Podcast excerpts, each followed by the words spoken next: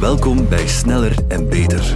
Een podcast die je helpt om als bedrijf efficiënter te worden, minder kosten te maken en de groei te stimuleren. Elke aflevering verkennen we een ander aspect van procesoptimalisatie op het gebied van operations management, supply chain management, change management en zoveel meer. Kom met experts te weten wat procesoptimalisatie voor jouw organisatie kan betekenen.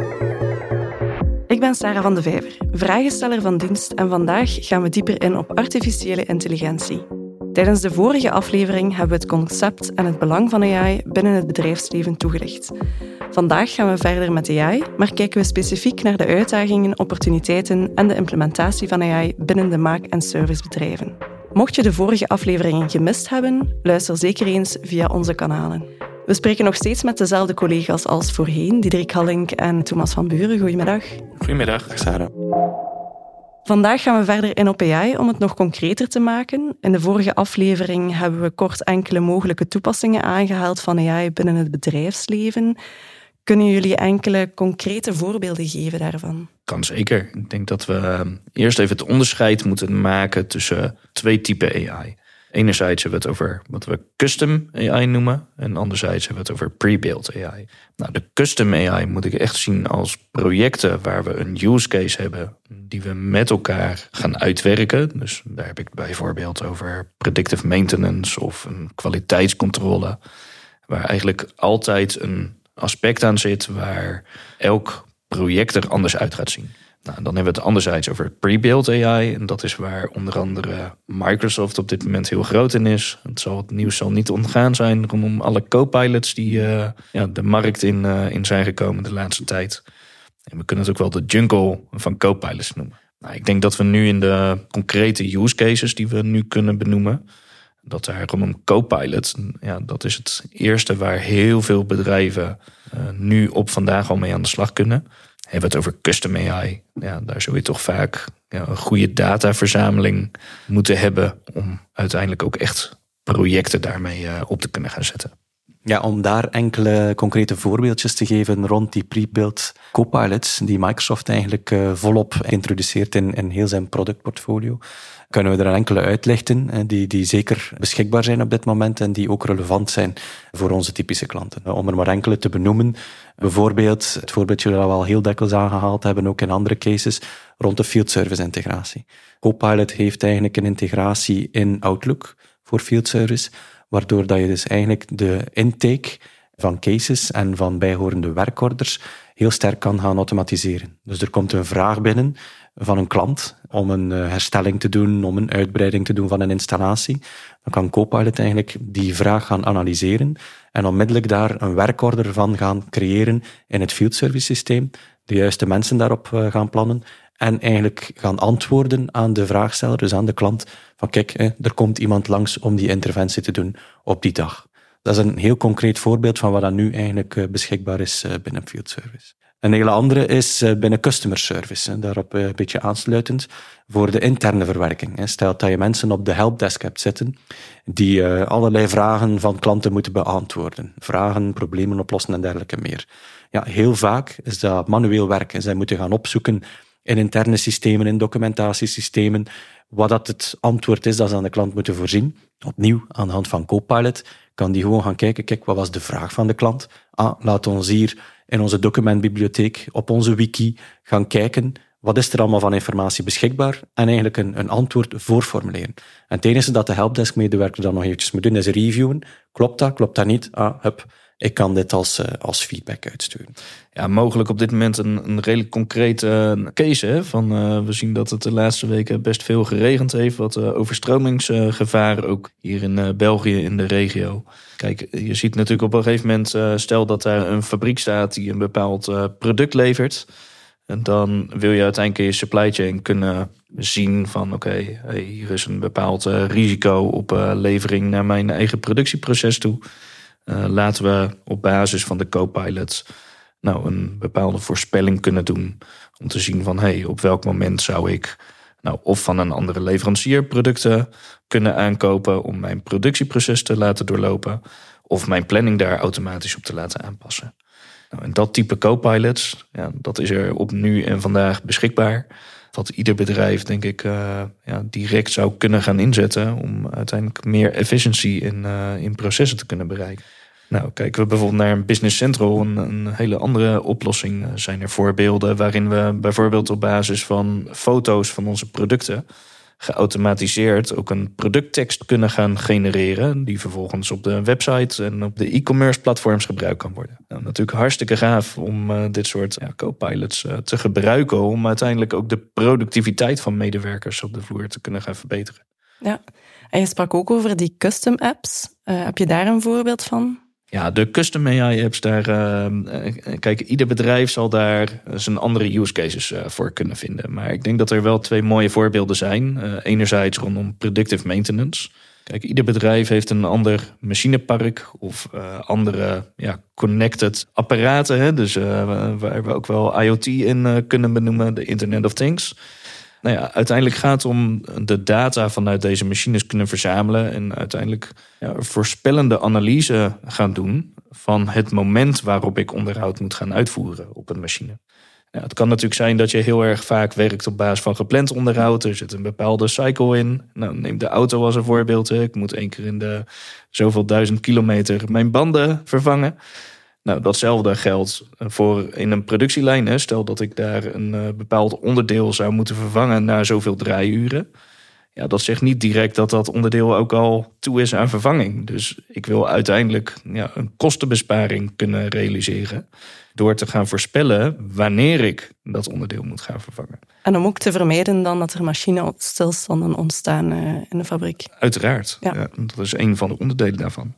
Ja, dat vergt natuurlijk ook enerzijds de technische modellen. Hè. Ik kan gaan voorspellen uh, eigenlijk een 1 en een 0 van of ik moet op dit moment vervangen of ik moet nog niet gaan vervangen.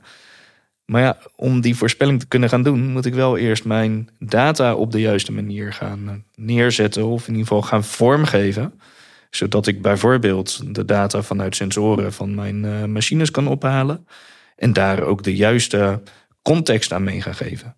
Want uiteindelijk, ja, data is iets wat uh, redelijk dom is, hè, om het uh, zo te zeggen. En hoe meer context ik aan die data kan meegeven, hoe makkelijker de voorspellende modellen daar ook mee kunnen gaan omgaan. Ja, dus daar heb je eigenlijk een IoT-systeem voor nodig om dat uh, op te zetten. Ja, en als Nine Altitudes hebben wij daar een mooie oplossing voor, wat wij 9A Connected Factory and Insights noemen. Wat eigenlijk in een snelle manier ervoor zorgt dat we nou ja, alle machines op een eenvoudige wijze ook kunnen ontsluiten. En dat is inderdaad wel de, de eerste stap. Thomas heeft het al aangehaald, het data-aspect. Onze Connected Factory en Insights moet je echt zien als een heel snelle kickstart manier om de diverse machines op je shopfloor onmiddellijk te gaan connecteren en die data te beginnen verzamelen. Want als je die data inderdaad niet hebt, ja, dan kan je die volgende stappen niet zijn. En dat is echt iets waar je, ja, met, eh, met die oplossing kunnen we eigenlijk op enkele maanden tijd live zijn daarmee. Dus je kan relatief snel naar die scenario's van predictive maintenance beginnen nadenken daarna. Maar het is wel een prerequisite om te hebben vooraleer dat je dat kan doen. Ja. Een tweede voorbeeld zou kunnen zijn bijvoorbeeld de kwaliteitsinspectie binnen het productieproces. Kijk, ehm, je kunt het voorbeeld nemen met een kleine camera die je boven een, uh, een lopende band ophangt. Uh, waarin je eigenlijk de controle doet van de output uh, in de productie. Maar ja, die camera aan zich, dat is een dom ding. Hè? Dat is een apparaat die iets kan zien. Alleen ja, je zult het apparaat moeten gaan vertellen wat goed of fout is.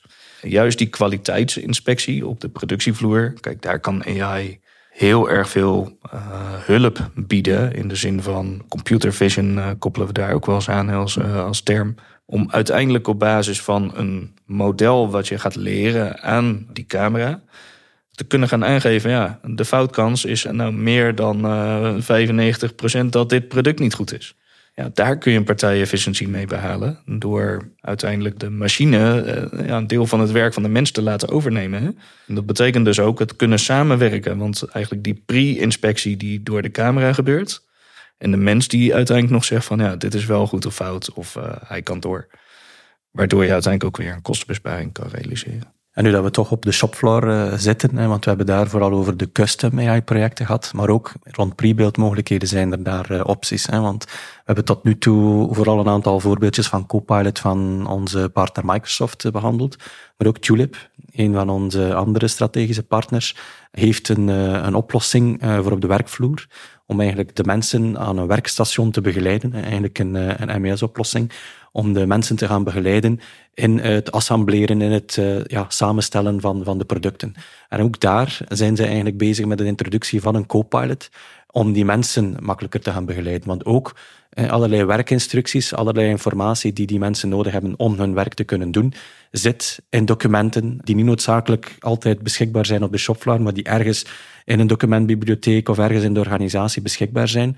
Via Copilot kunnen zij ook die informatie makkelijker ontsluiten naar eh, die mensen die echt aan dat werkstation staan en die, ja, die een specifieke vraag hebben over een bepaald stuk assemblage of configuratie dat ze moeten doen. Dus het is niet, zeker niet de indruk wekken dat alles wat dat op de fabrieksvloer is, custom projecten zijn. Ook in de tools en de bouwblokjes die we daar hebben, zijn er eh, heel wat uh, specifieke pre-built eh, use cases ook ter beschikking. Ja. ja, dat is fantastisch, hè? want kijk, we hebben natuurlijk te maken met de warm talent op dit moment. Kijk, wat die co-pilots teweeg kunnen brengen, zowel op de productievloer, maar ook binnen ja, de administratieve organisatie van een bedrijf is dat je ook andere mensen nu kunt gaan inzetten. Uh, met misschien andere skills die uh, voorheen door heel hoog opgeleide mensen misschien gedaan moesten worden. Ja, kun je nu ook een, een ander type medewerker in je organisatie aanspreken die met behulp van die co-pilot ja, opeens ook wel ingewikkeldere taken kan gaan uitvoeren. En ik denk dat dat fantastisch is, dat we daar echt een uh, gamechanger uh, uh, eigenlijk gekregen hebben met de inzet van dit type, wat we ook wel large language models noemen. Nu, naast die concrete en wel mooie voorbeelden die jullie net aangaven, mochten bedrijven nog niet overtuigd zijn, waarom zouden bedrijven nog moeten investeren in AI?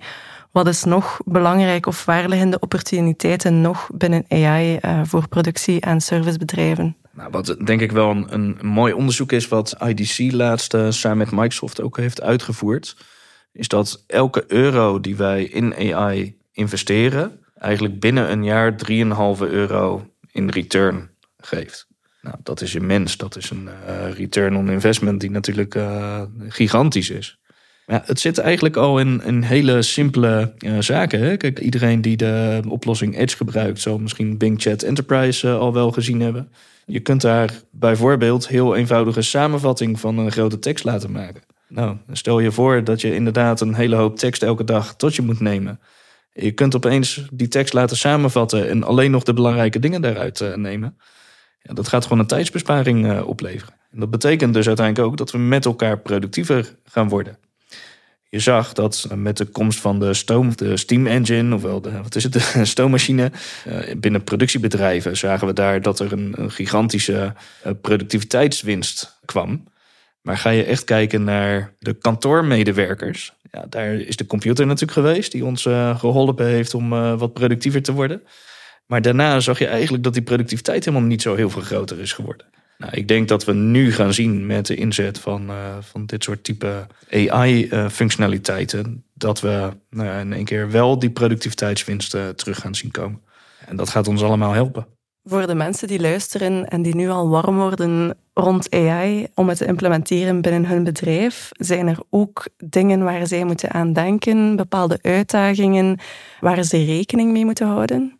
Ja, dus Microsoft maakt het heel toegankelijk. Hè. Zeker als we het dan hebben over die pre-built cases. Uh, ja, het is twee keer niks om eventjes uh, te activeren, de Copilot, in een uh, werkomgeving. Maar er inderdaad, er komen wel een aantal zaken bij kijken. En een eerste belangrijk punt is rond alles wat dat security is. Security kan je in twee toch een keer delen. Je kan zien, okay, ja, externe security, wat van wat wij in interactie met die Copilots doen, gaat naar buiten. En daar op zich mag je gerust zijn met, eh, met het framework dat Microsoft eigenlijk in place heeft. Ja, zorgen zij ervoor dat alles wat je van interacties hebt, alles wat je aanbiedt aan de Copilot, dat dat wel degelijk binnen de muren van je organisatie blijft. En wat een groot verschil is met de publieke services zoals ChatGPT, waarbij je die garantie helemaal niet hebt. Maar naast dat ja, beveiligen van de, de informatie zodat ze in je organisatie blijft, is er natuurlijk ook wel het aspect over ja, welke informatie wil je binnen je organisatie delen met iedereen. Als u security, uw toegang tot al uw informatie, zoals uw verschillende documentbibliotheken op SharePoint of, of allerlei andere zaken, openstaan voor iedereen, en nu misschien onder de radar blijven, omdat niet iedereen zijn weg daar naartoe vindt, ja, eenmaal dat je dat koppelt aan Een AI-systeem zoals een Copilot, ja, die gaat die informatie wel allemaal gebruiken. Dus als jij met de nodige security context die informatie kan opvragen, ga je ze ook krijgen in je antwoorden. Dus het is heel belangrijk dat het voorbereidende werk langs die kant heel goed gebeurd is en dat de mensen enkel toegang hebben tot de informatie die ze mogen te zien krijgen. Dat je niet plots uh, facturen van, uh, van allerlei contractors bij je collega's te zien kunt krijgen of uh, confidentiële HR-documenten gaat gaan exposen op die manier. Ja, dan moet je echt zorgen dat dat door de IT-afdeling binnen je organisatie eigenlijk goed afgeschermd is. Want als het open staat, zal Copilot er gebruik van maken en u dat dan ook eigenlijk ter beschikking stellen. Dus dat is wel een heel belangrijke. Ja. ja, een andere uitdaging waar we natuurlijk ook mee te maken gaan krijgen is ja, hoe stel je nu de juiste vraag aan Copilot? Neem het voorbeeld van Bing Chat. Ik stel de vraag als zijnde, nou Sarah, jij stelt de vraag van, kun je een afbeelding creëren van de zaal waar we nu zitten met uh, drie mensen die een, uh, een podcast aan het opnemen zijn. Nou, dat is de ene manier om die vraag te stellen. Stel dat je hem iets concreter maakt in deze specifieke ruimte, op deze locatie. Er moeten twee uh, heren en een dame in de ruimte zitten ja, dan ga je een heel ander antwoord al krijgen. Dus datzelfde ga je zien op het moment dat ik een, vraag ga stellen aan de Copilot om bijvoorbeeld een marketingtekst te gaan schrijven of voor mij een uh, productbeschrijving te gaan maken. Ik kan binnen uh, zo'n Copilot ook bepaalde prompts uh, meegeven om uiteindelijk daar een concreet antwoord op te krijgen. Dus wat je gaat zien is dat je in de komende jaren moeten wij mensen binnen organisaties ook gaan trainen in het stellen van de juiste vraag. En dat gaat nog wel een uitdaging worden. Ja. Ja, en zo zijn er diverse challenges die naar boven zullen komen, maar eigenlijk is de boodschap daar dat je dit zeker als een effectief project moet gaan behandelen in je organisatie. En niet zoals ik daar straks zei, gewoon kijk, laat ons dat hier een keer activeren, die feature, in een ERP doe je dat ook niet. Hè. Als je een ERP-systeem hebt, ga je ook niet zomaar zeggen, ah, leuk nieuwe feature, laat hem ons eh, gaan activeren onmiddellijk in productie en we zien wel wat het geeft. Met die AI-copilots is dat net hetzelfde. Je moet goed gaan kijken, oké, wat is de impact dat we dit gaan doen? En zo staat onze data op orde, is onze security in orde? En dat echt gaan aanvliegen als een project in uw organisatie. Dat is een heel belangrijk gegeven. Ja. Waar wij als Nan Altitudes zeker onze klanten in kunnen begeleiden. Het is eigenlijk vergelijkbaar met een andere projectaanpak, het eh, implementeren van AI. Ja, absoluut. Ja. ja. En je sprak over Nine Altitudes. Wat kunnen wij dan betekenen voor bedrijven in productie en uh, service? Wat kunnen wij eigenlijk betekenen voor bedrijven in de hele artificiële intelligentie story, om het zo te zeggen? Wat denk ik heel belangrijk is voor ieder bedrijf, is om ja, een goede roadmap te maken als bedrijf zijnde. Om te komen tot een punt waar je echt met AI bezig bent. Kijk, de co-pilots uh, van deze wereld, die worden eigenlijk met een druk op de knop geactiveerd.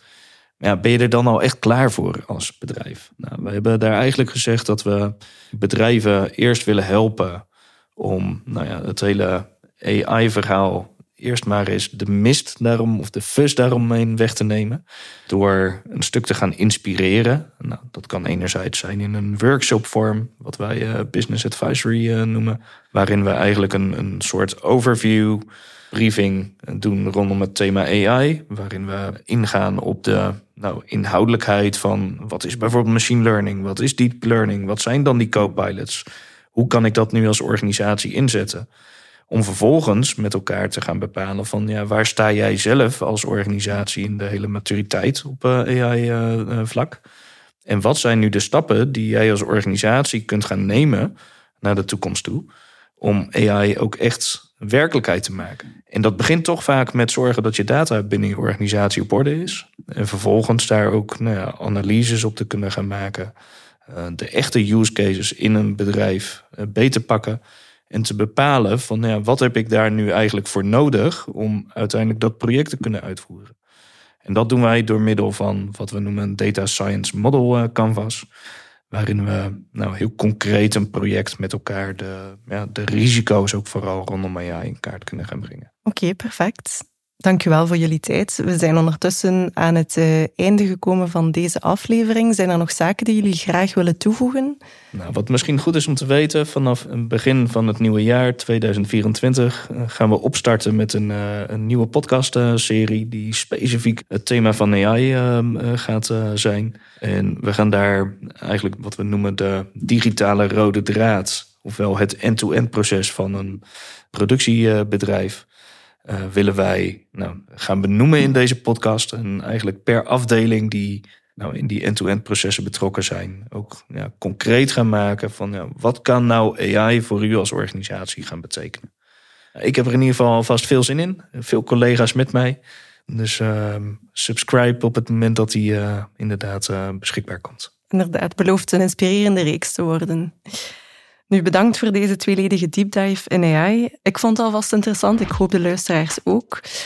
En wens je meer te weten over AI? Lees dan zeker onze blogposts op ninealtitudes.com of via de linkjes in de comments van deze aflevering. Dankjewel, heren. Dankjewel, Sarah. Dankjewel, Sarah. Leuk om hier te zijn.